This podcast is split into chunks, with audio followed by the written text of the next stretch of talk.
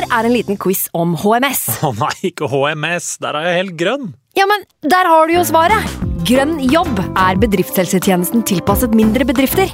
Våre HMS-eksperter hjelper mer enn 8000 bedrifter over hele Norge med alt fra lovpålagte HMS-krav til pålegg fra Arbeidstilsynet.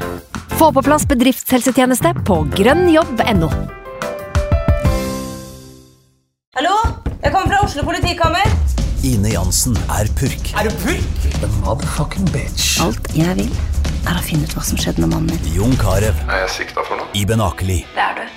Ole So, Lars Berrum og Big Daddy Karsten. Hvem sin side er du på, egentlig? Anette Hoff, Tone Danielsen, Kommer du fra Afrika? Jørnis Josef, Nesten. Kløfta. Trond Espen Seim, Det er synd å si det, men det var feil mann som døde. Purk. Premiere tirsdag på TV2 Play. Nå har vi starta. Fantasy. God evening.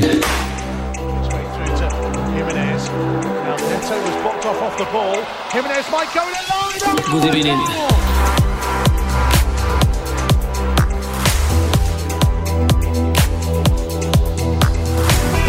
Hei, hei, hei, hei, hei, og velkommen til en ny episode med Fantasyrådet. Simen han spiser skorsteinkake og drikker Urkel i Praha. Et velfortjent pust i bakken, beina på bordet for Simen. Ser på kirke og elver og gamle byer som man har masse av i Europa. Men Sondre, min venn, alt stenges og begrenses. Da er det godt at vi får lov til å sitte her i studio fortsatt sammen. Enn så lenge. Krysser fingrene for at det ikke blir på blir siste gang på veldig, veldig lenge. Det Velkommen. vi fingrene. Takk for det. takk for Det Det er deilig. Det er et avbrekk fra covid-helvete å sitte her med deg. Ja, det føles litt normalt i hvert fall å være her. Gå til studio, inn døra, hilse på Felix og Bråten og bare slenge seg ned i godstolen. Det er godt, det. Mm, Fine folk som jobber. Hvordan er livet for deg? Eh, Livet er jo egentlig helt, helt greit, som Mm. man alltid egentlig burde svare. Det, eh, det er jeg, jeg er Det må du ikke. Du må, du må kunne være ærlig. Ja, men du- da må du spørre hvordan det går egentlig. Det har vi jo snakka om før. Jeg husker du vi hadde forelesning av Finn Skårderud på, oppe på NIH der, Ja. som, eh, som var veldig på at man eh, ikke må, må Ikke veldig på, men han sa liksom at må ikke spørre om du har, har det bra, for det er et ledende spørsmål. Du må spørre hvordan du har det. Mm. Så, så må folk svare oppriktig, og så må du gjerne kanskje spørre tre-fire ganger før du faktisk får et ærlig svar. Hvis det, hvis det er det. Så det er dagens hverdagstips. Hvis du har en venn du er liksom skeptisk til at hun har det bra, så spør hvordan går det? Hvordan går det? Og så kommer 'hvordan går det?' egentlig. Neida, men hvis jeg bare tar første spørsmål, da, hvordan det går, så går det greit. Eh, Jeg er jo en eh, julemann og er glad i, i, glad i førjulstida, så desember er en fin måned. Ja. Mye kos, mye god mat og mye hygge.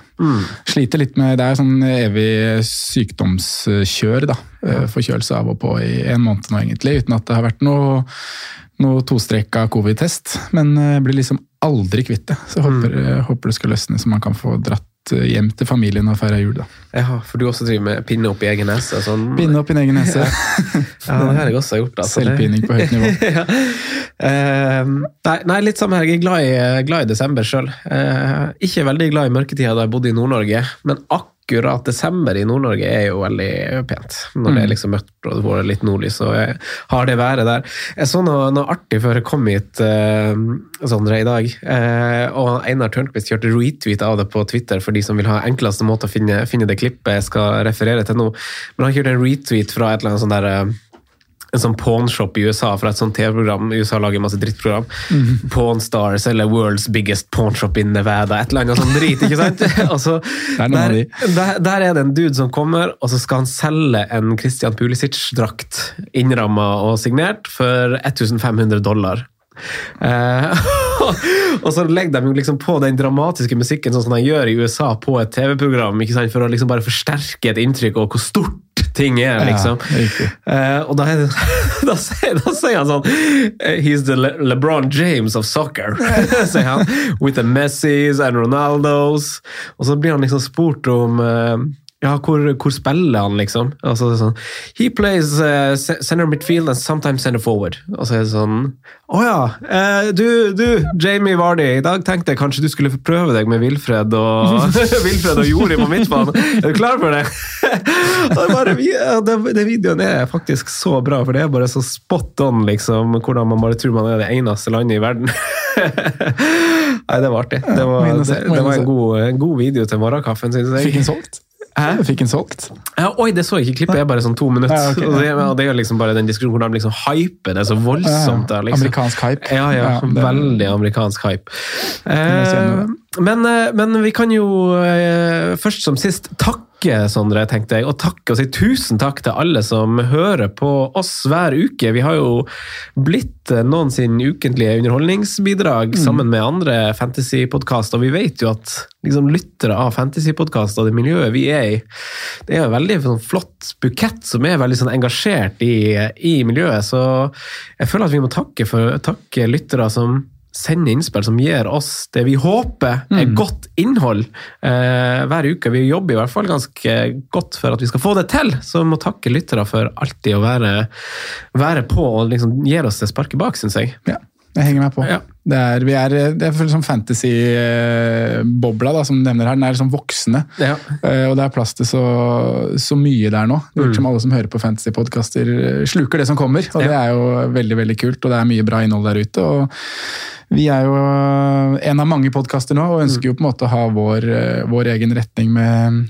litt mer sånn nerdete analyseprat. Eh, Og så håper vi og, og tror da at det, det fortsetter å gå i en eh, voksende retning, holdt jeg på å si. Men det er, eh, det er ekstremt hyggelig og gøy at så mange sender inn spørsmål, sender inn ris, ros, og spesielt det siste er jeg med på å og utvikle podkasten. Ja. Så vi har veldig, veldig behov for og ønske om å få mer tilbakemeldinger som, som er av det konstruktive slaget. Veldig. Absolutt. Og da må vi benytte muligheten til å ønske god jul og godt nyttår, for dette er vår siste studioinnspilling i kalenderåret 2022. Sondre, vi holder det gående på altså Studio stenger også sånn på, av covid-årsaker, og vi reiser land og strand rundt, men vi holder det gående på Patreon for de rundene som eventuelt måtte komme i romjula. Eh, eventuelt. Eventuelt, ja. Vi skal komme tilbake til det. Eh, men runden som gikk, Sondre, det var en av de der eh, harde rundene. Og vi, man fikk jo en advarsel om, om, om det her, og man kunne liksom Nå har vi hatt to harde runder, egentlig. Ja, vi har det, Franco. Hva sitter du igjen med? Hvordan har, hvordan har du kommet deg gjennom stormen? Jeg har, jeg har kommet meg helt greit gjennom stormen, sånn uh, poengmessig. Uh, og fallet har ikke blitt eh, Det har blitt mildere enn hva jeg frykta. Jeg har eh, 53 poeng, eh, en rød pil ca. 10, 10 000 plasser ned, så nå på rundt 44 000 overall. Men ehm, det jeg sitter igjen med, det er jo kanskje mest oppgitt og forbanna på meg sjøl av alt. Ja. vi er jo, som du sier nå, i en, i en sånn eh, periode hvor det er mange ting som vi ikke kan styre. Det er kamper som blir utsatt, det er spillere som får positive tester. Ting du ikke får gjort noe med. Men det er noen ting du får gjort noe med. Og det er eh, hvilke bytter du gjør, og når du gjør de byttene. Og jeg føler liksom at det sitter, det sitter to tullinger i studio her i dag. Eh, den ene litt større tulling enn den andre. Det gjør det, men jeg skal, jeg skal ta, ta med meg det du skrev i chatten, Sander. for nå, nå, er, nå er jo ordet ditt, og vi er på deg, og da passer det bra at jeg sier det nå. Ja, heller. for det starter jo der. Ja, for, for her, her, her skrev du i chatten til meg i går da vi liksom skulle planlegge episoden uten, uten Simen. Ja. Eh, og du kjører på det liksom sjeldent bilde og det ene og det andre, og hashtags og sånn i, i privatchatten, bare meg og deg imellom. men, men så skriver, kommer du til slutt med, etter en liksom 20 minutters pause, så kommer du med et ganske langt skriveri. Jeg blir så forbanna på meg selv. Ødelegger alt den siste timen. Stått Cancelo-cap hele uka, skiftet til Sala og tar saker som visecap for å sikre meg i hvert fall en kamp, at en har kamp. Jævla covid-hensyn. Bytte inn Foden og Watkins fredag for å hente, hente 0-2. Idiot! Sagt gjennom hele sesongen at jeg er keen på dobbel City bak, men klarer faen meg å ende opp med jævla Gündogan, for jeg blir så kåt på målpoeng og leser alt av tall som en matematiker. Sinnssykt dårlig magefølelse på Foden inn nå også. Faen! Ja, men det oppsummerer det fint. God, god fjerde søndag i advent i Eiksmarka i går. Ja. Det var Nei, men det er, ja, det er, det er sånn det var. Og det starter jo på fredag, da, egentlig, med dårlige vurderinger og um, to bytter. Ja. Eh, og jeg tar minus fire runden her og gjør begge byttene fredag. Noe som er, det, er bare, det, er så, det er så dumt gjort når vi er der vi er nå. Det er, så, og liksom, det, er, det er mest dumt gjort fordi jeg har sagt til både meg selv og alle andre at nå venter vi så tett opp mot frist som vi klarer. Og det er ikke sånn at jeg skulle noe spesielt, jeg var ute en tur på lørdag, men jeg kunne fint hatt de her fem minuttene rett før deadline har gjort disse byttene. Mm. Men grunnen til at jeg trigger det, er fordi jeg går inn på den der forbanna price change-appen som jeg har, Ja. og ser at Watkins skal opp, Foden skal opp. 0-2 er jo, er jo, det er jo det er cash. Det skal jeg ha med meg. Eh, og da kjører jeg Ronaldo til Watkins. Og, og, og liksom Hadde jeg gjort det ene byttet på fredag, så hadde det på en måte vært greit. Men jeg tar da i tillegg og kaster Sissoko til Foden. Og det er fordi at jeg som du sier, jeg, jeg, har jo, jeg skriver jo til deg her at jeg har vurdert om jeg heller skal gjøre Livramento til Diaz. Men jeg tror rett og slett jeg trigger det Foden-byttet bare fordi han går opp 0-1 den dagen. Og hvis jeg hadde venta til lørdag, så hadde jeg kanskje tatt Diaz inn isteden. Um, men ja, så, så sånn endte det, da. Og det kom jo helt greit ut av dem 53 poeng, det er ikke noe krise. og Sikkert mange som har det mye mye tyngre enn hva jeg har, men jeg er mest av alt forbanna på meg selv. da, Fordi man har, man har muligheten til å Jeg hadde hatt muligheten til å ikke gjøre de byttene hvis jeg hadde visst venta litt, så hadde jeg fått med meg at Villakampen ikke skulle spilles. Jeg hadde, Foden hadde jeg kanskje satt inn uansett. Jeg skal ikke si det at jeg hadde gått Diaz over Foden hvis jeg hadde venta til lørdag, men, men uh, muligens jeg hadde gjort det. Uh, men igjen, da, etter jeg sendte en meldinga til deg i går, så, så da hadde jeg ikke vært inne og sjekka Fantasy-appen og sånne ting. Men så trykte jeg pick team, og da blei jeg positiv igjen. Okay. Da blei det bra. Det, det blir bra igjen, Franco. Ja. Har jeg, jeg har et veldig bra lag på papiret neste Ja, runde. ja. Jeg har tre ganger Liverpool som skal spille hjemme mot Leeds. Jeg har tre ganger Arsenal som møter Norwich. Jeg har Cancelo, Gundergan og Foden hjemme mot Leicester. Mm. James spiller mot Villa, Antonio skal møte Southampton, Dennis av Wolverhampton. Jeg har en spillende benk! Det ser så bra ut! Ja. Hvis bare kampene spilles. Så ja. Fremover, jeg, jeg ser lyst på fremtiden, men akkurat det her var uh, jævla kjedelig. Men mest av alt forbanna på meg sjøl. Det er jo det man blir. Eh, og jeg føler, jo, jeg føler jo at du kan snakke for veldig mange, i hvert fall i det sånn Twitter-fantasy-miljøet, for jeg tror ganske mange gjorde akkurat det samme som deg. Og det sier liksom litt om at man ja, uh, så, så vi skal jo snakke litt om lærepenger i dag generelt, Sondre. og og, og hva vi har lært hittil den første halvdelen av sesongen, og hvordan vi skal angripe våren, ikke minst. Hva vi skal ta med oss, hva vi skal legge fra oss bare etter det her halvåret. Eh, til meg så skrev Knut Nordstad på min egen tweet på, på Twitter eh, Practice what you preach.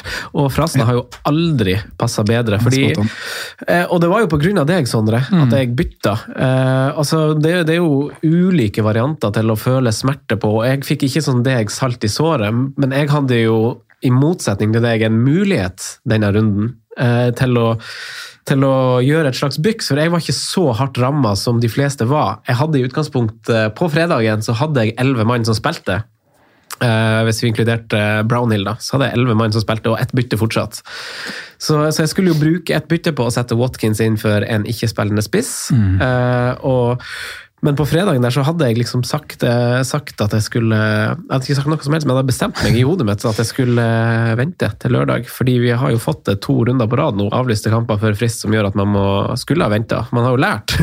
Så jeg satt jo med ostepopskola og så på Harry Potter. Men Så, så, så det, det er jo en slags påminnelse på hvorfor jeg sjøl ikke er i gruppechatter og sånn. For, for du sa det bare. Du skrev liksom bare sånn Bare bytte inn Watkins nå, nå har han liksom snakka til pressen, og den kampen går, går jo. liksom. Og da var jo sånn, ja. Det gjør jo det. Da bytter jeg inn, får med 0-1, liksom. Altså, hvor- hvorfor?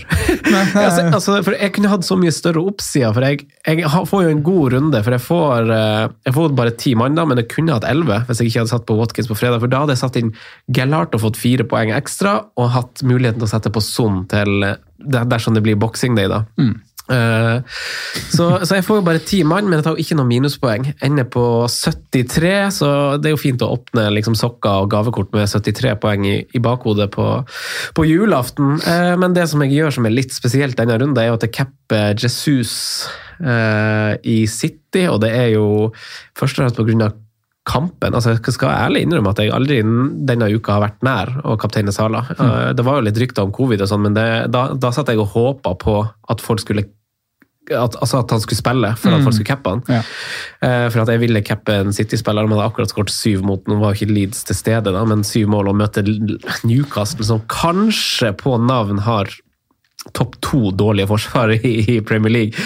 Så, så jeg eh, cappa Jesus. Jeg var ikke nær Cancelo, egentlig, selv om det sto på han liksom en stund, så var det mest bare for, fordi at jeg ville ha en City-spiller. Eh, så det var en finere kamp. Så jeg ender jo på 73 poeng. Kjempebra. Eh, Så det er jo digg. Jeg Ja, det går opp 40% eller noe sånt. Så jeg er på akkurat 30 000, tror jeg. overall. Så bare noen få poeng foran deg, Sondre. Mm. Det er Veldig trygt, og, men du hadde jo null minutter på Jesus mot Leeds. Ja. ikke det? Så du var liksom ganske, aldri trygg, men du var ganske sikker på at han kom til å Jeg hadde ikke gjort det med Foden eller noen andre. Liksom. Jeg hadde ikke det. Jeg hadde, jeg hadde cappa Stirling hvis jeg hadde hatt han.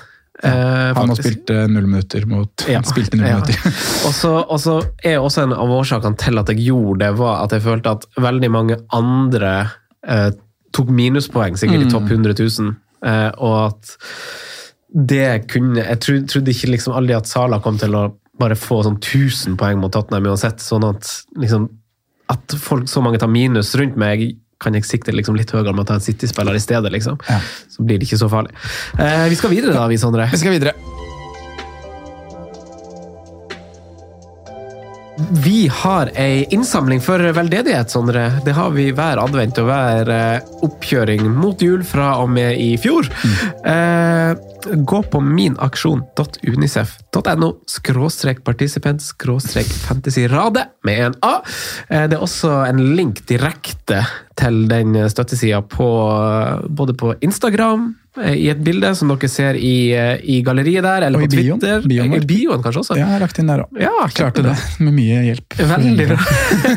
og Facebook. Vi er 60% på veien mot et hårete mål. Mm. Vi har et mål om 30 000, så folk må gjerne få fingeren ut. De kan vippse en valgfri sum. Så jula er jo tross alt tida for å gi, og nå gir dere barn som lever et liv de overhodet ikke fortjener. Eh, og det tar deg to minutter å gjøre det bedre, faktisk.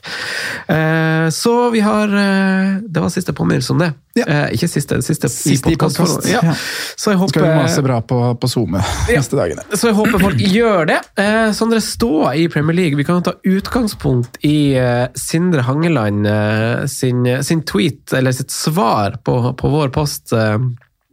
Om, eh, om situasjonen. Det ryktes at Premier League-møtet i morgen, altså i dag, eh, blant annet skal omhandle Gameweek 20 blir utsatt eller avlyst. Da har vi i så fall kun Gameweek 19 igjen av 2021.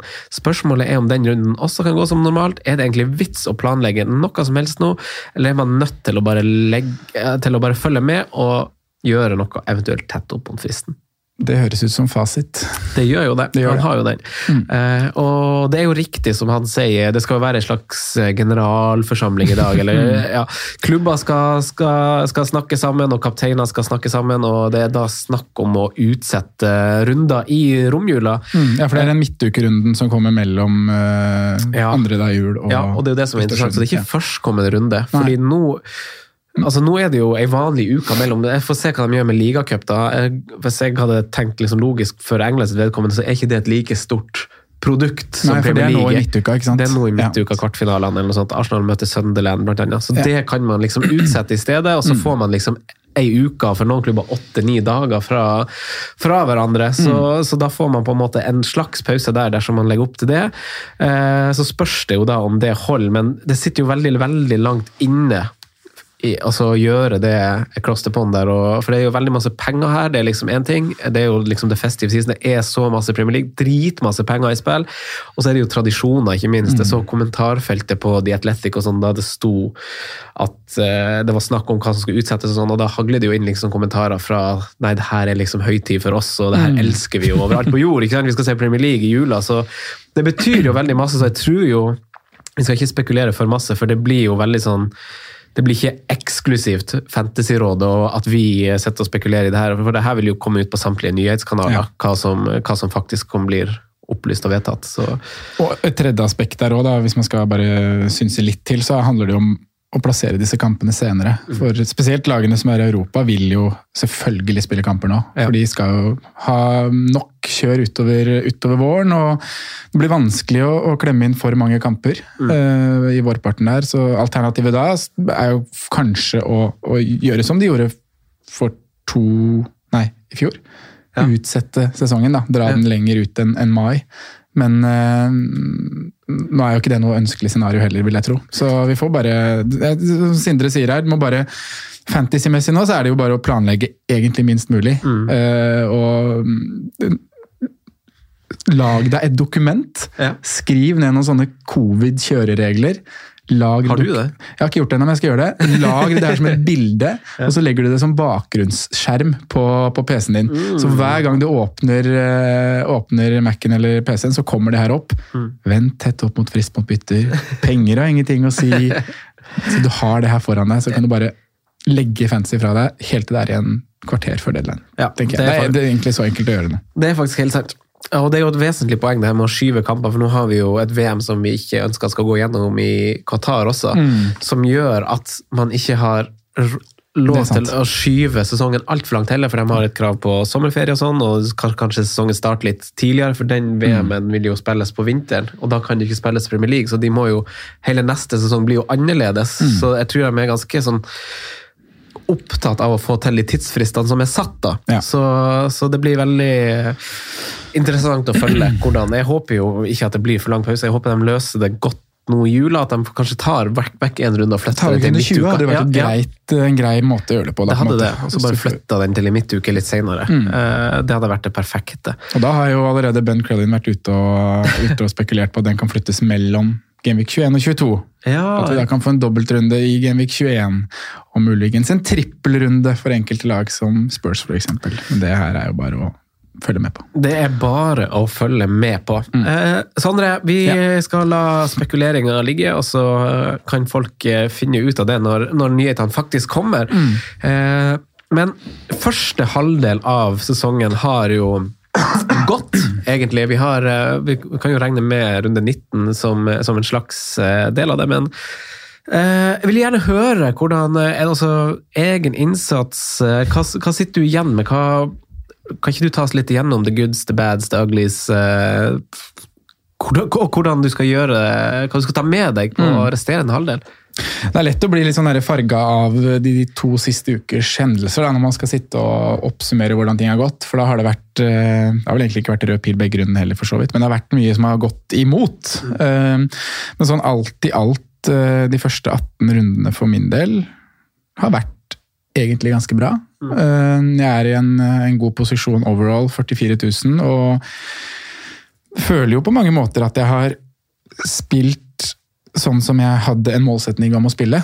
Eh, spiller alltid, prøver å være, spille trygt og godt, ikke ta de for store sjansene, men ville være litt mer aggressiv på, på spillere som leverte enn hva jeg har vært tidligere. Da. I fjor så brant jeg meg mye på å sitte for lenge på gjerdet og vente når du så at eh, spillere leverte. Um, mens i år så føler jeg at jeg har vært eh, litt mer trigger-happy på akkurat det, og så har det ikke alltid lønt seg, men jeg er likevel liksom fornøyd med at jeg har tatt de sjansene, da. Um, ja, øh, ut fra Jeg starta sesongen veldig bra, egentlig. og det, det, Igjen så kan man jo liksom verdsette det å gjøre et godt arbeid før sesongen starter. Ja. Og hvor mye det egentlig har å si å komme, komme i en god posisjon fra start. Uh, setter et et godt lag fra runde én, hvor jeg eh, både med litt flaks og også med god research er på spillere som Ben Rama f.eks.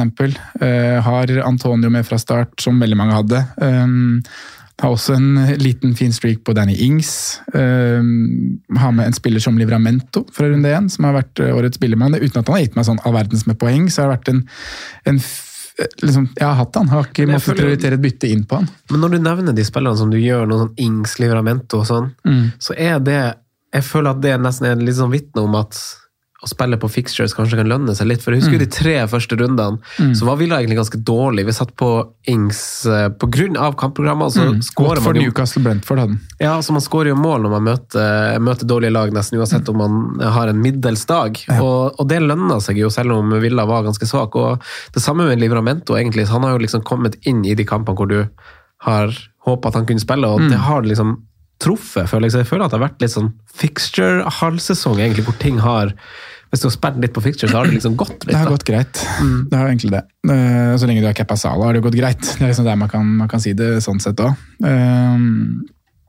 Men ja, det er et poeng, det. Eh, Byttet jeg gjør i runde tre, sier jo kanskje litt om hvor fin tropp jeg hadde fra starten. Jeg sparte bytte i runde to, og i runde tre så gjorde jeg Brownhill til Sissoko. Så det er sånn Femtemann på midten, vet ikke hva jeg skal gjøre, må bruke et bytte. Sissoko har nettopp meldt overgang, kommer til å spille fotball i Watford. Han kjører jeg inn. Så det sier litt om hvor, eh, hvor fin posisjon jeg var i da. Um, og så kom jo en liten sånn eh, game changer som gjorde at jeg fikk et enda større bygst i runde fire. Uh, og da er jeg jo aggressiv uh, i så måte at jeg tar minus fire for å få inn Ronaldo. Um, Ronaldo, Rafinha og Greenwood inn for Danny Ings, Townie og Mares. Så Mares er en av de sjansene jeg tok fra starten som Det ga jo ikke like stor utdeling som det gjorde med andre City-spillere fra starten, men jeg fikk vel med meg en scoring og en assist, om jeg ikke husker helt feil. Um, de to andre jeg tar ut der, er jo Townie har vært en litt sånn jeg har et par verkebyller som jeg skal komme inn på her, og Townie er kanskje en av de. Jeg tar han ut i den hit eller i runde fire her, eh, og han leverer vel skåringer i den runden. Og har blanka i de tre første. Um, men eh, ja Ings kanskje den best, det beste byttet ut er gjort. han var vel ikke skada i den fasen her, men da hadde liksom de tre kampene som du refererer til, vært spilt, og det var helt, eh, helt greit å kvitte seg med han. Man så at Villa ikke var så god som de man trodde de skulle være, og de underliggende tallene var heller ikke i nærheten av hva de burde være. da.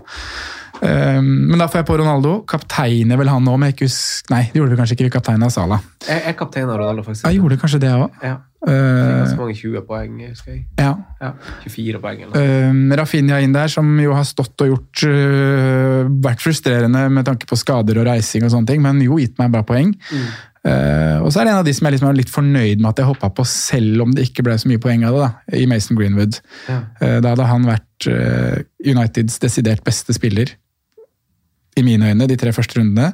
Så forandra selvfølgelig den rollen seg når Ronaldo kom inn, men jeg følte at det var riktig og en, eh, et sånn aggressivt bytte da, å gå Greenwood inn i, i den runden. Uten at det ble de helt store poengene av det, men likevel fornøyd med å, å gjøre det. da. Så mm, det ga jo selvfølgelig store utslag å få inn Ronaldo der. Kaptein eh, hadde jeg også, ser jeg. Um, og da har det egentlig vært ganske stabilt fra, fra den tid. Ligget rundt mellom, vært liksom oppe på Skal jeg se hva det høyeste jeg har vært oppe på overall her. Det, det høyeste jeg har vært oppe overall-messig er vel 17 000. Eh, Laveste jeg har vært der på 100 000. Så jeg har vært veldig stabilt fra, fra 40 000, da, fra, fra runde sju. Uh, ikke vært lavere enn 40 000 før nå. Um, og runde sju var jo wildcard-runden min. Spiller et greit wildcard, tungt bak, som veldig mange andre gjorde. Um, Dobbelt Chelsea, Aspi Rudiger. Uh, og Kikka litt på den der, uh, når vi satt og planlegger i stad, hvorfor jeg var på Aspi da. og Det handla jo om at Reece James hadde, um, hadde jo ikke hatt så mye spilletid i de foregående rundene. Um, og da gikk egentlig det jeg trodde var det safeste i Aspi, og så var det jo i runde ni den store Holland til James kom mot Norwich, og da hadde han vel to eller tre på rad. Um, så måtte jo omstokke litt her, da, med å klarte både å få en Chilwell og, og James i løpet av et, eh, et par runder. Um, men ja, så, så greit wildcard, og, og det er vel der jeg kanskje Skal vi se her nå, jeg har skrevet opp litt bommerter. Ja, Så vi kan gå over på de nå. For, for i runde sju på wildcardet, da får jeg blant annet inn Gallagher. i runde sju, ja. Ja. ja for ti runder siden. Ja. Og da hadde jeg jo, Vi hadde jo snakka veldig opp Gallagher og Palace, og jeg hadde jo uttalt at det er en season keeper. og sånne ting. Eh, tar han inn på wildcard runde sju. Eh, han blanker i runde syv, åtte og ni. Eh, jeg har Lukaku på dette wildcardet. Eh, skaden hans kommer.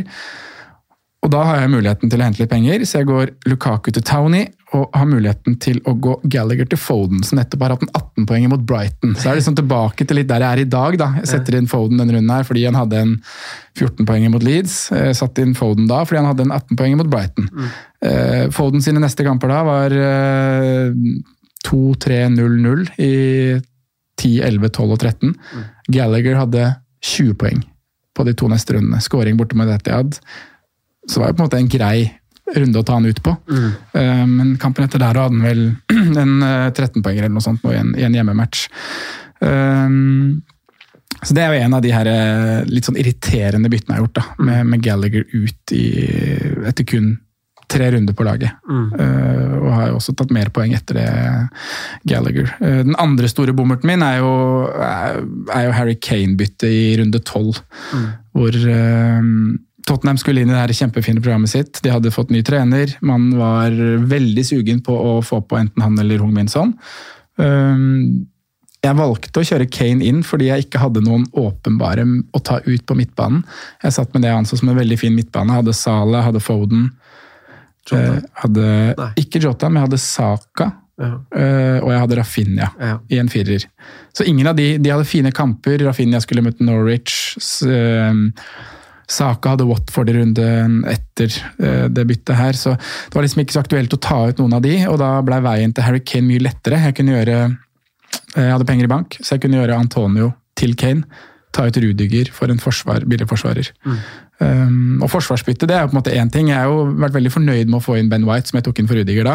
Men Eller syv, som vi kaller han, ikke det? det er jo Ben White 7. Men i den perioden her så har jo også Rudiger fått assist og skåringer. og det som verre er, han, I rundene tok han ut, så hadde han vel skåring på hodet mot Leeds.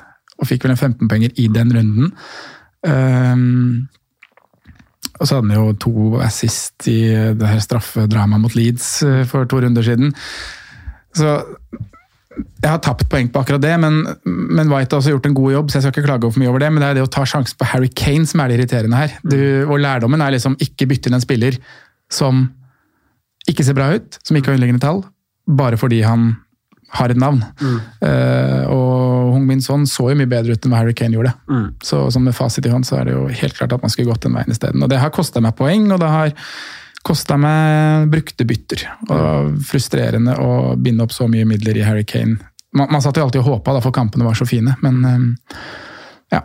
Det er kanskje den, eh, den styggeste bommerten jeg har gjort i år. Mm. Sånn generelt over så er jeg fornøyd med en del bytter. Uh, fått blitt kvitt spillere på et godt tidspunkt. Uh, vært tålmodig på Eller liksom unngått hits. eh, klart å spare opp bytter i store deler av Hvor mange minuspoeng har du tatt? Jeg har tatt tre minuspoeng. Ja. Um, Så minus tolv til sammen. ja. Det var tre minuspoeng, ja. Tre hits. Første var jo den Ronaldo-minusen som jeg refererte til i stad. Eh, De to andre hitsa har kommet nå i løpet av de tre siste rundene. Mm, ikke sant? Um, Jeg kan få det opp her, så vi kan ta det. Det var eh, Gameweek 16 hvor jeg kjørte Townie, Rafinha og Kane ut. eh, Dennis, Gundogan og Ronaldo inn. Mm. Og så var det jo nå hvor jeg tok eh, Watkins og Foden inn i hiten der. Vi har, jo, vi har jo litt ulike og litt like historier å fortelle. Jeg, skal, altså, jeg har Kort oppsummert så har jeg øh, vært veldig fornøyd med byttene jeg har gjort ut. Hele, nesten hele sesongen, ved ett unntak, egentlig, og det er Cancelo-vurderinga mi. Eh, hvor jeg for jeg sto med Diaz og Cancelo og måtte få ut én for å få en Chelsea-forsvarer inn. Og da trodde jeg at Diaz eh, skulle være en steady Eddie, og det har han jo på en måte kanskje blitt, selv om det brant meg rett etterpå. Eh, Krøp til korset og fikk Cancelo inn igjen, så har begge nå. Men det, bortsett fra det, så timinga på bytta ut av også spillere som kanskje har sittet litt langt inne, er jeg fornøyd med liksom, noen vurderinger jeg har gjort. Altså sånn Inks og sånn føltes litt åpenbar der og da. Eh, men jeg var liksom fornøyd med salget av Antonio da jeg gjorde det. Eh, For da husker jeg at han liksom var på peak i pris og hadde kanskje en eller to kamper til som var litt fin på papiret, så jeg var fornøyd med salget av han, salget av Liveramento. Selv om det var en såpass billig mann, så har jeg på en måte fått tjent inn det. Greenwood, eh, Shaw ikke minst.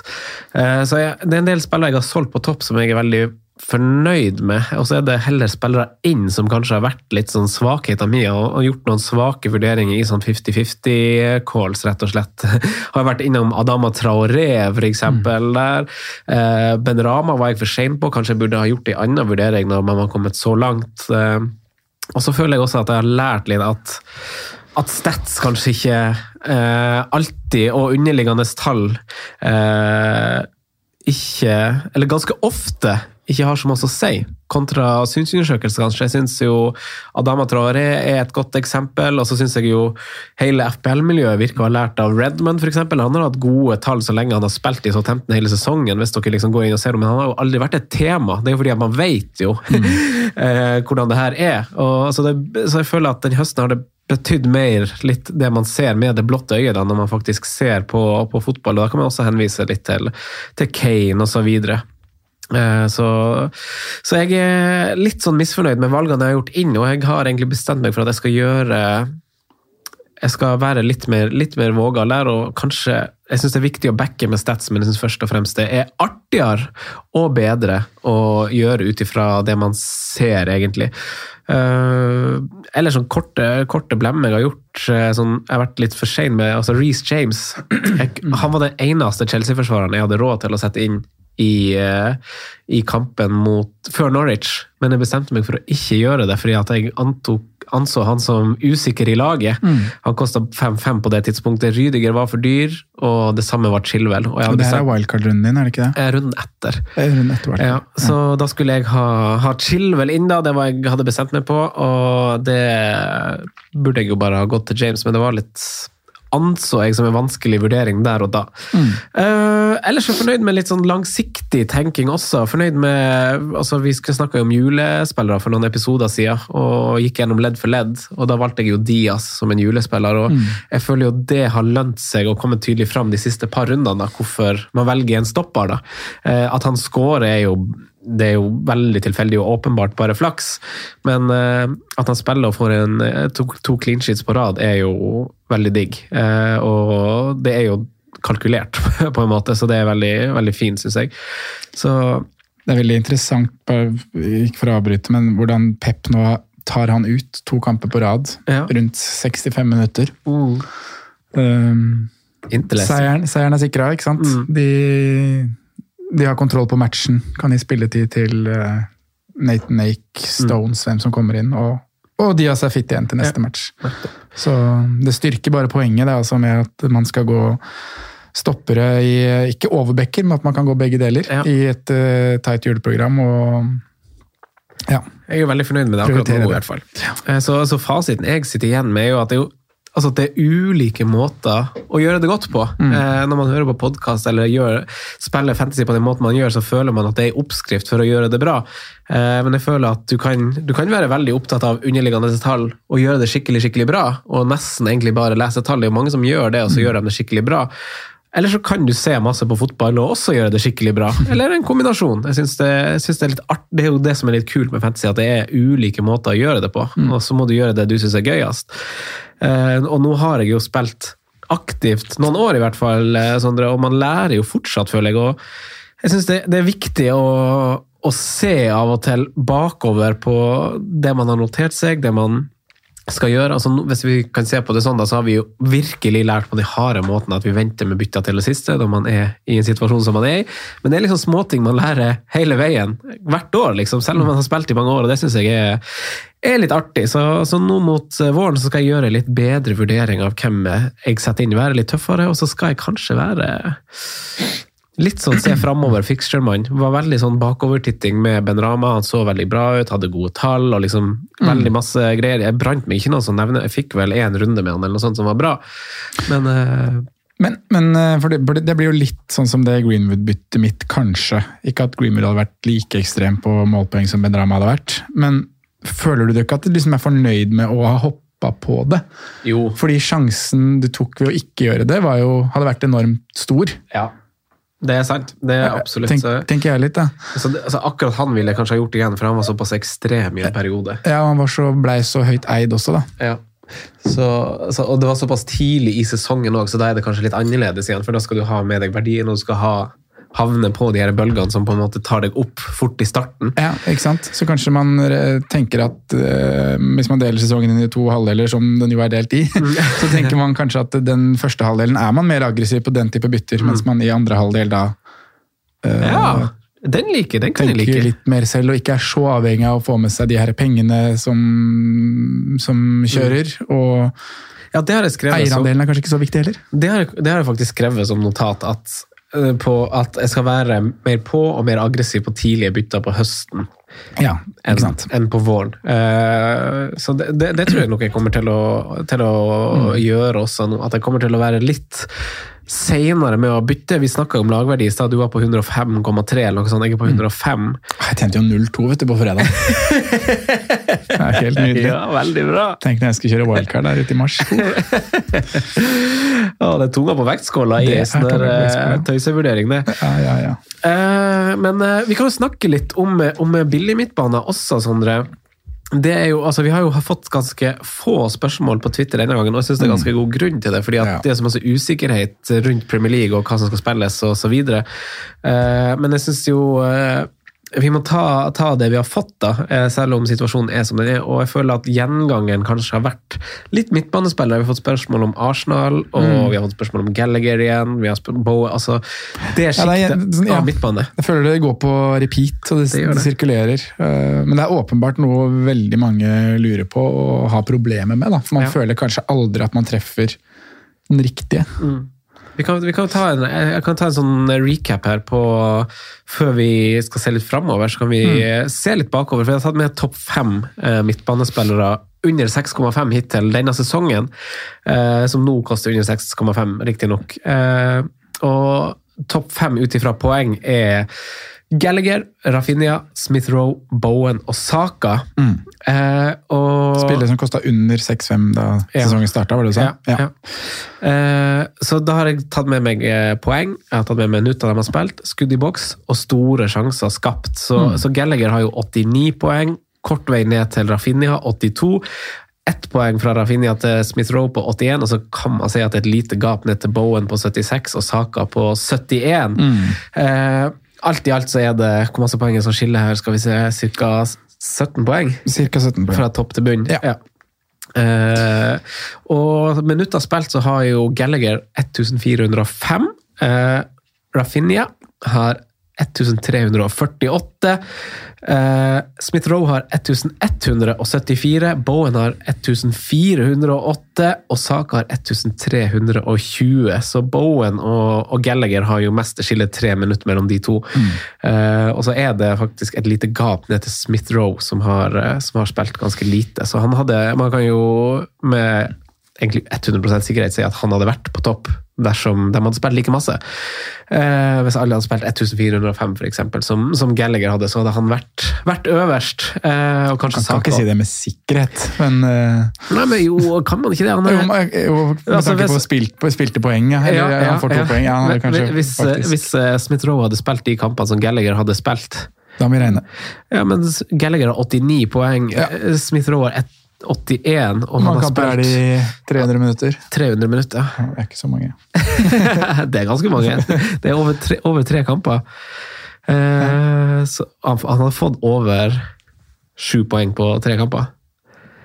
Ja, Han skal ikke ha mer enn sju, nei. Nei. om han er på 81. Ja. Ja, jeg tenkte det var Saka på 71. Ja. Nei, eh, skudd i boks, der er jo Gallagher på 21, Rafinha er på 18, Smith-Roe er på 16, Bowen og Saka er på 31. Det er ganske bra, altså. altså det er sånn Sala, altså Sala, Ronaldo, Mané, Yota er en klasse for seg, men liksom, de er helt der oppe og nikker med de store gutta liksom, på, på det. Uh, Gallagher har skapt fem store sjanser, Rafinha fire, Smith-Roe kun to, uh, Bowen tre og Saka fem. Sånn I korte trekk så, så kan man si at, i hvert fall for Arsenal-gutta sitt vedkommende, at uh, Smith-Roe er litt overbetalt, effektiv. Eh, Saka litt underbetalt. Eh, Bowen kanskje helt liksom på det jevne med tanke på hvor, hvor masse han egentlig har spilt det samme med, med Gallagher.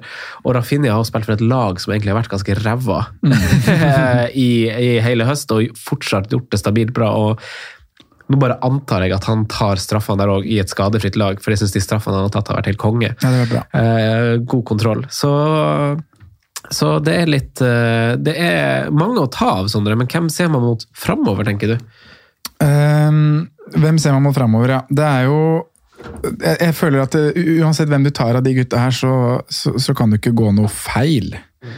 Ehm, jeg tror det kommer til å være sånn jevn leveranse ut sesongen. Ehm, men den som helt klart er på toppen av lista for meg av de her, er jo Han spiller jo det dårligste laget, men uh, Rafinha er jo den beste fotballspilleren. Eh, og han, eh, han er på dødballer, han tar straffer. Han kan sikkert ta et frispark her og der i skuddposisjon òg, sett ja, det. Han skåra jo nesten mot Hvem var det, mot igjen? Var det mot City, eller?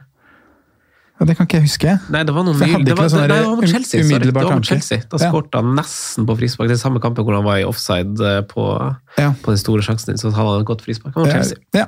ja, men Da har vi den bekrefta. Så, så Rafinha er jo uten tvil en spiller jeg tror kommer til å plukke veldig bra med poeng. Uh, og så er det to relativt tøffe kamper nå, og et Leeds-lag som ser veldig dårlig ut. Men når de får stabla mer folk på, på banen og sånn, så kommer jeg nok til å ha Rafinha på laget et tidspunkt igjen. Um, om det er i den nærmeste framtid, det vet jeg ikke, men hvis man ser litt lenger fram i tid, så får de mot slutten av februar og inn i mars-april en veldig, veldig fin venn. Um, så um, han er liksom på toppen av lista sånn kvalitetsmessig, og hvem jeg tror I det, I det store bildet. i det store bildet. Ja. Um, kan ta og starte med en jeg eier nå, da, så er det jo Saka. som Jeg setter liksom Saka, Smith-Roe, Gallagher, Bowen Jeg setter de på mange områder veldig jevnt, men så ser man, når jeg ser liksom kamper til Arsenal, som jeg jo har gjort en del i det siste, så, så ser jeg at Saka er øh, så ekstremt nærme så mye mer. Han ligger veldig ofte øverst i banen. Mm. er ofte en, øh, en kontringsspiller i faser hvor det blir liggende litt lavt. Han har også vært ganske dypt nå mot, øh, mot når de skulle forsvare ledelsen nå mot, mot Leeds, holdt jeg på å si. Men han er, jeg så på sånt heatmap av pasningsmap, så er han alltid den spilleren som, som får ballen høyest i banen flest ganger i, i løpet av match. Så um, jeg har nok han foran Smith-Roe basert på akkurat det, men så, man kan snakke opp Smith-Roe veldig med tanke på underliggende tall som ikke er så bra. Han har vært veldig effektivt, og det viser jo også at han har en avslutningsegenskap. Han har god kvalitet i avslutningsegenskapene sine. Så um, hadde prisforskjellen vært liksom sånn var det vi starta, så ville jeg ha sagt Smith-Roe over Saka. Men nå er jo prisen så å si den samme. Det er vel 0-1 forskjell. Um, så, så da ville jeg nesten gått, uh, gått til Saka, altså. Men jeg syns begge de to er veldig fine valg. Gallagher, slow and steady, og det kommer han til å være. Jeg tror nok Palace kommer til å ha en uh, tøff De kommer ikke til å komme topp seks, sånn som Arsenal gjør. Uh, og derav kommer de til å ha, ha tøffere perioder i løpet av en sesong. Men så har han også vist at han kan skåre mål på Etiad, han kan skåre mål mot Tottenham. Uh, han, uh, han er en god spiller som kan gjøre det i alle matcher, men jeg er nok litt redd for at Palace skal inn i en ganske tøff periode nå snart. Når de har gjort unna gjort, De har vel Norwich i runde 20, om jeg ikke husker helt feil, men så kommer det liksom Liverpool, de har Westham, de har Chelsea etter hvert. Så um, ja, akkurat nå så sier jeg en av Arsenal-gutta, og så, så har jeg Bowen, da. Selvfølgelig, han har vi jo snakka opp lenge nå, og vi har sikta oss inn på det programmet her. Um, så Southampton, Watford, Palace, Leeds, de fineste er prima for han. Ja. Det er jo det. Jeg, jeg tror kanskje han er den jeg ville ha bytta inn nå. Jeg er veldig fornøyd med å sitte med saker, men det er liksom som du påpeker, da, det er et par kamper igjen for Arsenal. Men nå er de jo et lag som er i god form, da. Så det er jo verdi der, Det sitter åpenbart. City Tottenham i 21 og 22, men uh, Ja. ja. Eh, så altså, altså, jeg har det jo det her uh, Martinelli-greia. da. Ja, Han har jo Veldig viktig å ikke glemme når vi snakker Ja. om midtbanespillere på Arsenal. Ja, altså, altså synes jeg du sier det fint det med saker og det heatmapet du har sjekka, eh, om, om saker som ligger øverst. og Da kan jeg også referere til eh, Lacassette eh, postmatch-intervju eh, etter Leeds-kampen. Så, så blir han spurt litt om rollen i laget, og vi spekulerte jo i chatten Sondre, da Aubameyang er ute, at det, at det er bra for oss som sakeeier at Lacassette spiller. Og han svarer jo egentlig på tiltale på, på banen, men så men så er det også hvordan han ordlegger seg i, i etterkant av kampen. Så ser han at han trives i link-up med midtbanespillerrollen. Ja. Fordi at de har en veldig åpenbar plan om at de som skal inn, skjære inn foran, det er kantspillerne. Så det er liksom det er dem man håper skal skåre mål i Arsenal. Da. Det er Saka, Smith-Roe eller Martinelli, da, for den saks skyld, hvis han, hvis han spiller. Men Saka er uten tvil en av de tre, da, hvis du sier Smith-Roe, eh, Martinelli, Saka. Han er uten tvil den som har svakest avslutningsegenskaper. Saka? Ja. Ja, det kan du si. Eh, Martinelli, Martinelli virker veldig kald og rolig. ja, ja, ja. Er helt rå. Eh, Smith-Roe har jo bevist at han, han har det i seg, men Saka brenner, altså. Mm. Han mangler liksom litt der inni, inni bok... Ja, det er kanskje første, for jeg synes han, har, han burde hatt flere assist hvor det er ikke hans feil at det ikke blir mål. Ja. Men når han er alene med keeperen, og sånn, så det, skorter det litt. altså. Ja, det gjør jo det. Han mangler er- akkurat den delen av eh, spillet sitt, Synes Jeg er heldig på skåringa nå, for den går vel ikke i mål. Nei, den går, den går, den går via. Den går via. Men eh, Martinelli da, altså, han blir henta fra Ituano på nivå tre i Brasil. Eh, han slo jo gjennom som futsalspiller i, i klubben til Nilmar. Ja. Corintias det er ganske mange som har vært i Korintias, men jeg synes det var artig å dra opp. Nilmar. Men eh, Martinelli han var jo også på prøvespill i både United og i Barcelona, eh, så han har jo italiensk pass, som var ganske enkelt å få han inn i England. i hvert fall før brexit, mm. for rundt 6 millioner pund, så det er jo åpenbart et varp. Men han har jo starta fem av de siste seks. Han har spilt i alle de seks. Fire mål, to målgivende. Fjerde mest skudd i boks av samtlige spillere i Premier League i den perioden. Tredje høyest expected goals uten å inkludere straffa. Det er bare Sala og Yota som, Jota som er foran. Eh, Så det er jo ganske ekstremt eh, hvordan posisjoner han kommer i, og hvor god han er å avslutte. Jeg syns jo de du ser mot Leeds, vitner jo om det. og Det er jo det her som er litt ekkelt, da, fordi at på høyrekanten i Arsenal så er jo saka veldig åpenbar. PP spiller jo ikke lenger. Eh, Det er jo spekulert litt i en at en av årsakene er at han er ganske nært å trigge en sånn klausul, eh, som gjør at Arsenal spiller, spille, må betale en ganske stor sum til, tilbake til Frankrike hvis han eh, spiller et par kamper til. Ja, så skal bare la han sitte på benken da, Frem til Ja, det er det det spekuleres i, da, for det er jo veldig rart hvordan han bare liksom er skikkelig i kulda. Ja, men åpenbart så er jo eh, Saka foran i køen sammen med Ja. men han er jo det eneste naturlige å bruke på den sida.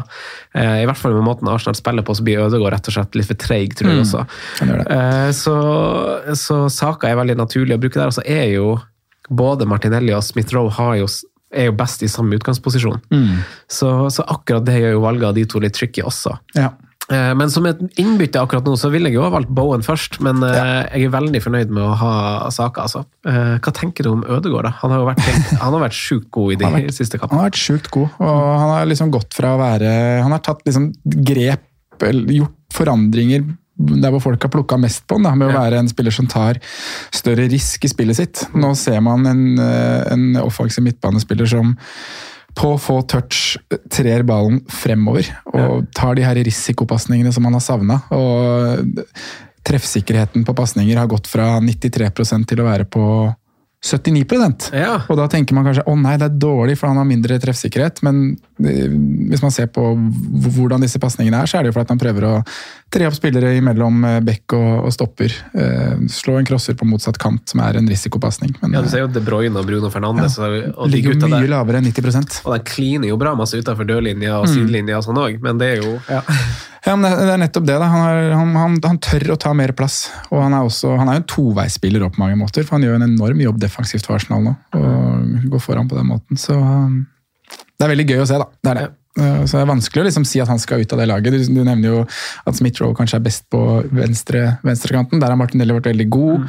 Smith-Roe kan også spille i tieren, der har Ødegaard vært veldig god. Så Arteta, du, du har et luksusproblem akkurat nå. Ja, du har fort vekk fått det. Mm, Eh, Sondre, vi skal snakke eh, tilbakevendende tema om eh, City-spillere. Det var Mm. mange som ble, ble skuffa nå, åpenbart. Eh, kunne jo selvfølgelig, altså Man forventet litt, men i en, en runde hvor du absolutt ikke vil bli det, for du, her, eh, her trengte du de, de du kunne få. Ja, det Eh. kjente jeg på, Franco.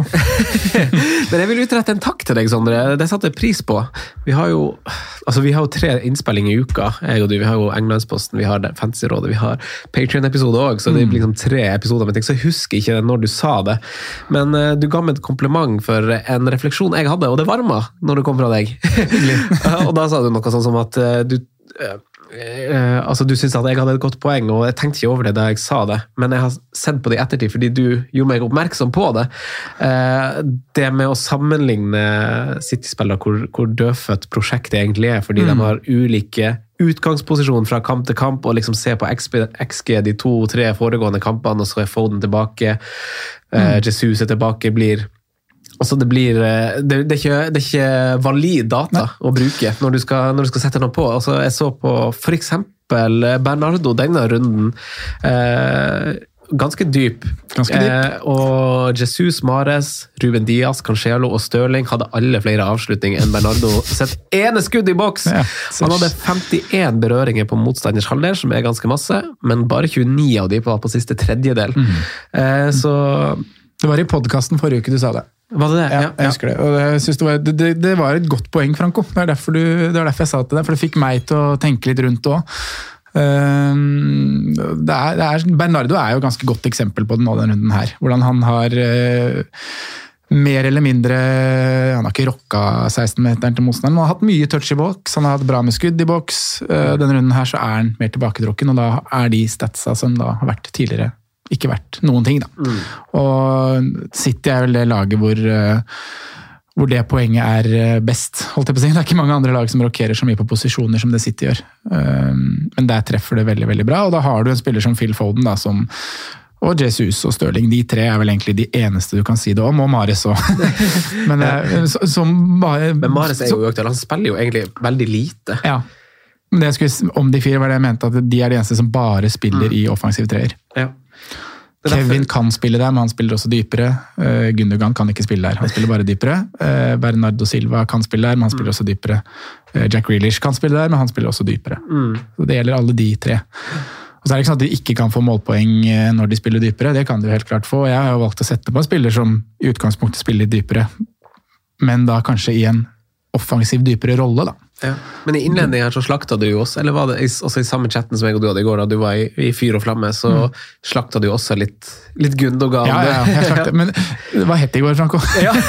det var hett i går. Jeg har, eh, jeg har fortsatt tro på at Gundogan kan uh, få til noe.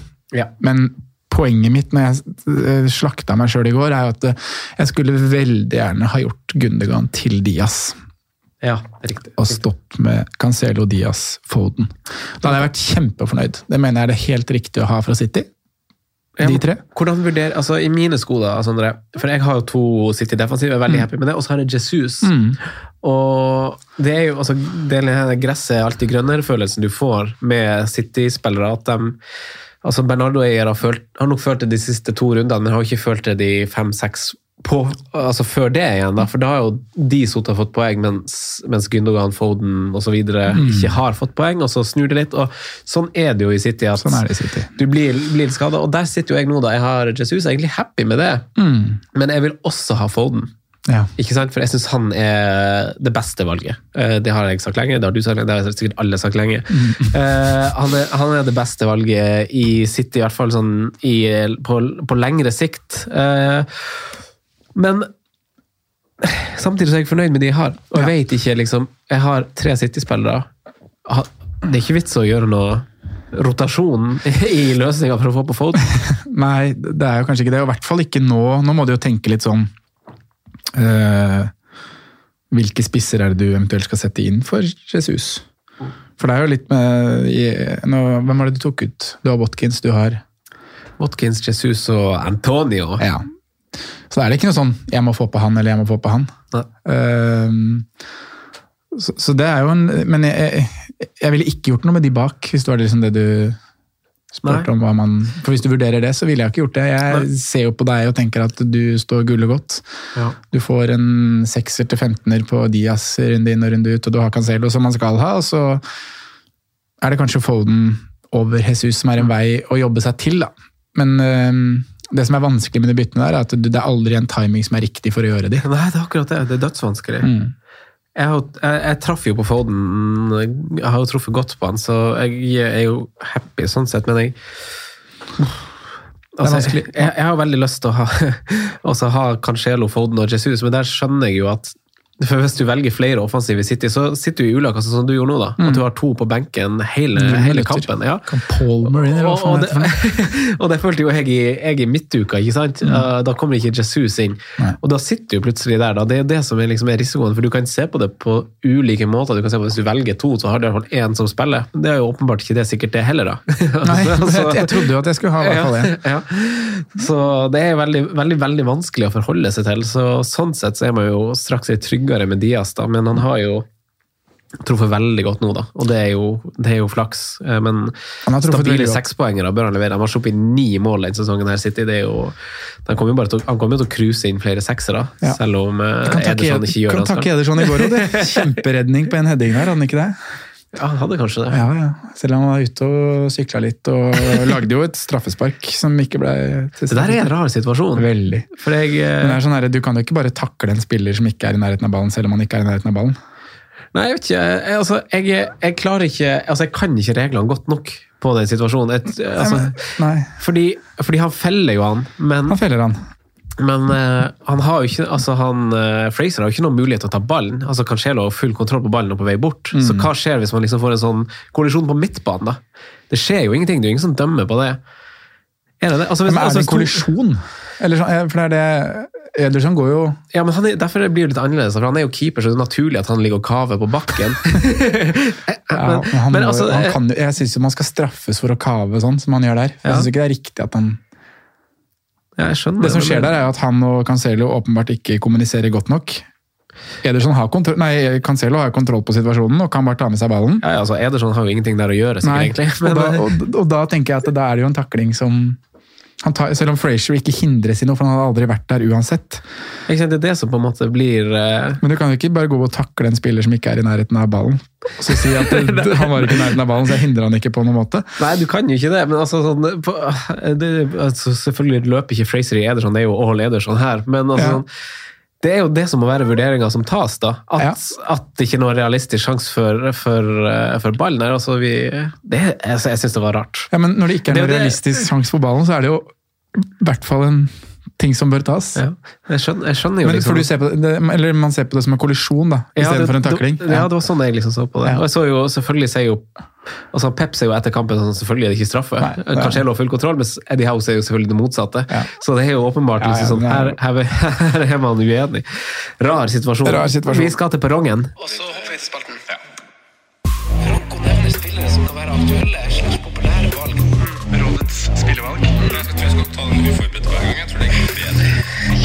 Det her faen meg gleder meg til. På perrongen, Sondre, en veldig amputert runde, men vi må likevel ta for oss spillerne som leverte denne Ja. runden. Og Jeg syns vi har mange navn, ja, basert på at du bare hadde fire matcher. Ja. Og da skal vi dra fram en sjelden eh, leveranse fra Harry Kane. Ja, ja, ja, ja. ja, ja, ja.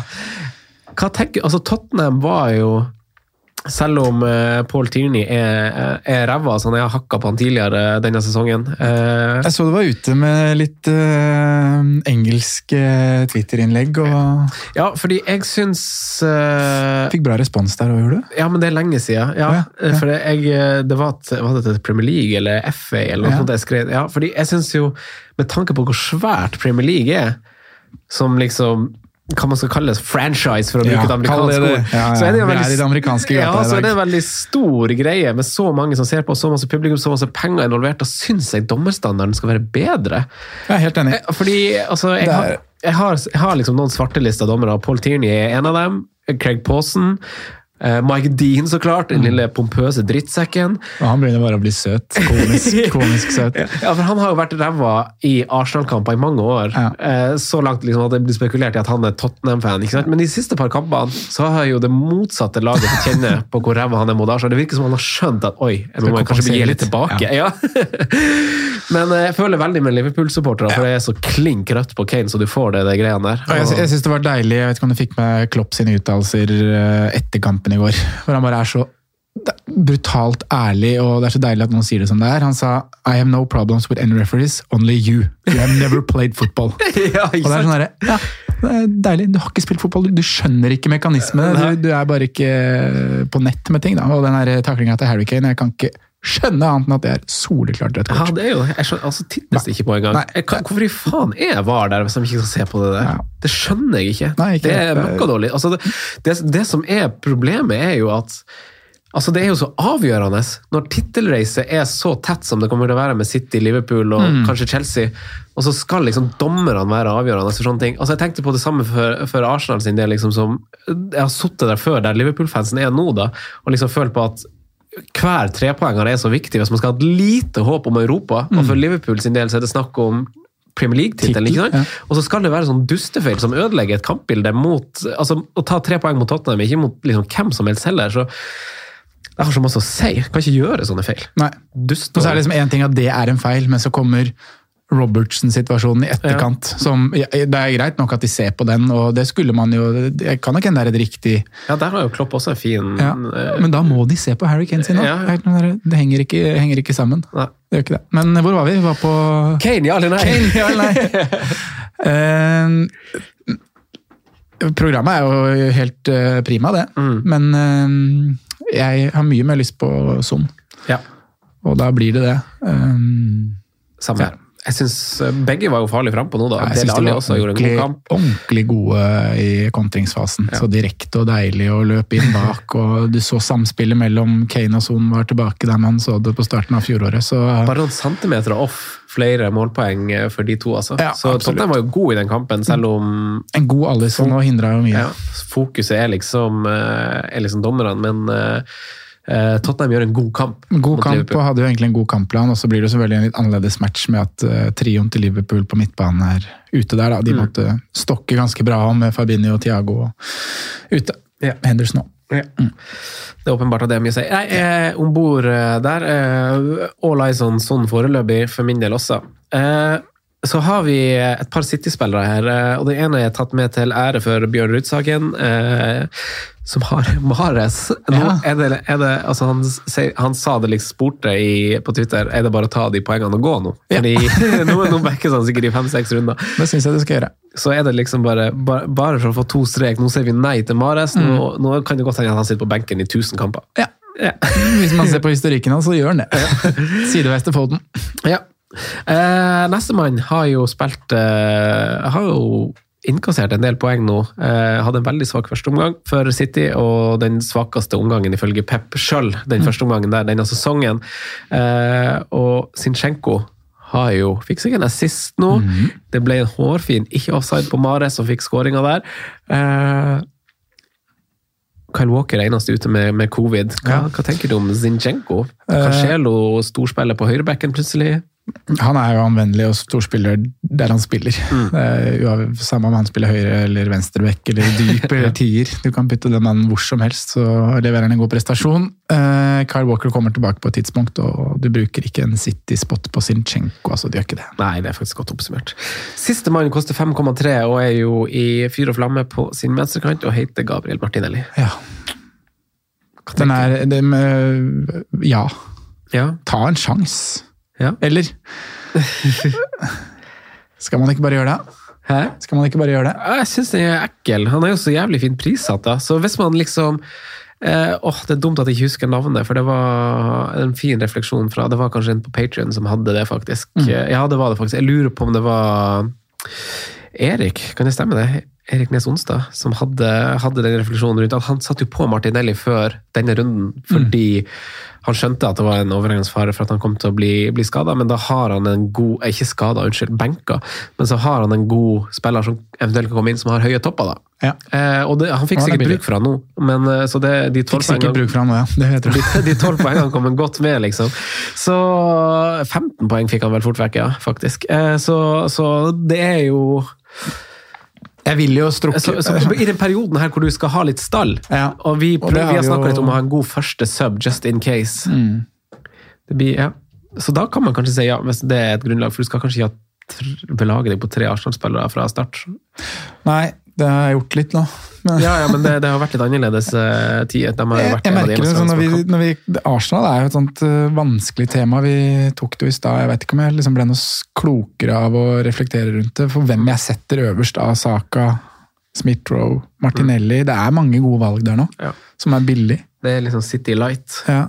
Jeg føler bare at Saka er den jeg er tryggest på for minutter. Mm. Og så har du de andre som på en måte kniver litt om de samme posisjonene, men jeg ville sagt all good å ta en Martinelli-sjanse nå. Agree. Eh, Sondre, da skal vi eh, takke for oss og ønske god jul nok en gang, og godt nyttår når den tid kommer. Vi kommer til å spille inn fortsatt på Patrion, vi, så det er bare å, å følge opp der. Eh, vi har en adventskonkurranse også som skal ut, som vi utsatte på grunn Ja. av eh, Fint du drar opp det. Vi har fått noen spørsmål om det så jeg på, på Slack-kanalen vår, og det ble jo rett og slett utsatt. Vi burde jo kanskje vært ute med en melding, eh, men eh, i og med at det kun var ja, de tre matchene på søndag, og også fare for flere Ja. utsettelser, så bare droppa vi det og drar det ut i en uh, romjulsnøtt. Ja. Det gjør vi. Da snakkes vi, Sondre. Det gjør vi. God jul. Ha det. Straight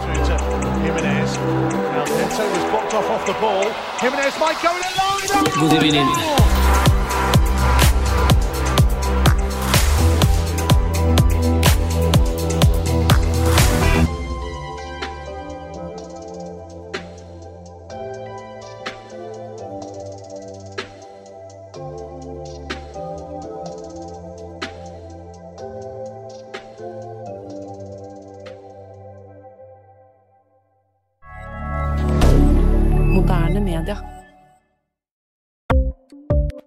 Ukens annonsør er Folio, en smartere banktjeneste for deg som har en egen bedrift eller ønsker å starte for deg selv. Folio er en superenkel nettbank for bedrifter. Som kunde i Folio får du en bedriftskonto med et bedriftskort og app. I denne appen er det smarte løsninger som forenkler regnskapet ditt, uansett om du har en liten bedrift eller et enkeltpersonsforetak. Folio er både intuitivt og brukervennlig, og er laget med et enkelt språk. I tillegg tilbyr de forutsigbare priser og ingen skjulte gebyrer. Skulle du likevel trenge det, så kan du snakke med deres raske og hyggelige kundeservice, og der får du prate med en faktisk person og ikke en chatbot. Folio er med andre ord både enklere og koseligere enn banken. Over 10 000 bedrifter har allerede valgt Folio som sin banktjeneste, så besøk folio.no og se hvordan Folio kan forenkle din hverdag også. Har du et enkeltpersonforetak eller en liten bedrift? Da er du sikkert lei av å høre meg snakke om hvor enkelt det er med kvitteringer og bilag i fiken, så vi eh, gir oss her, vi. Fordi vi liker enkelt. Fiken superenkelt regnskap.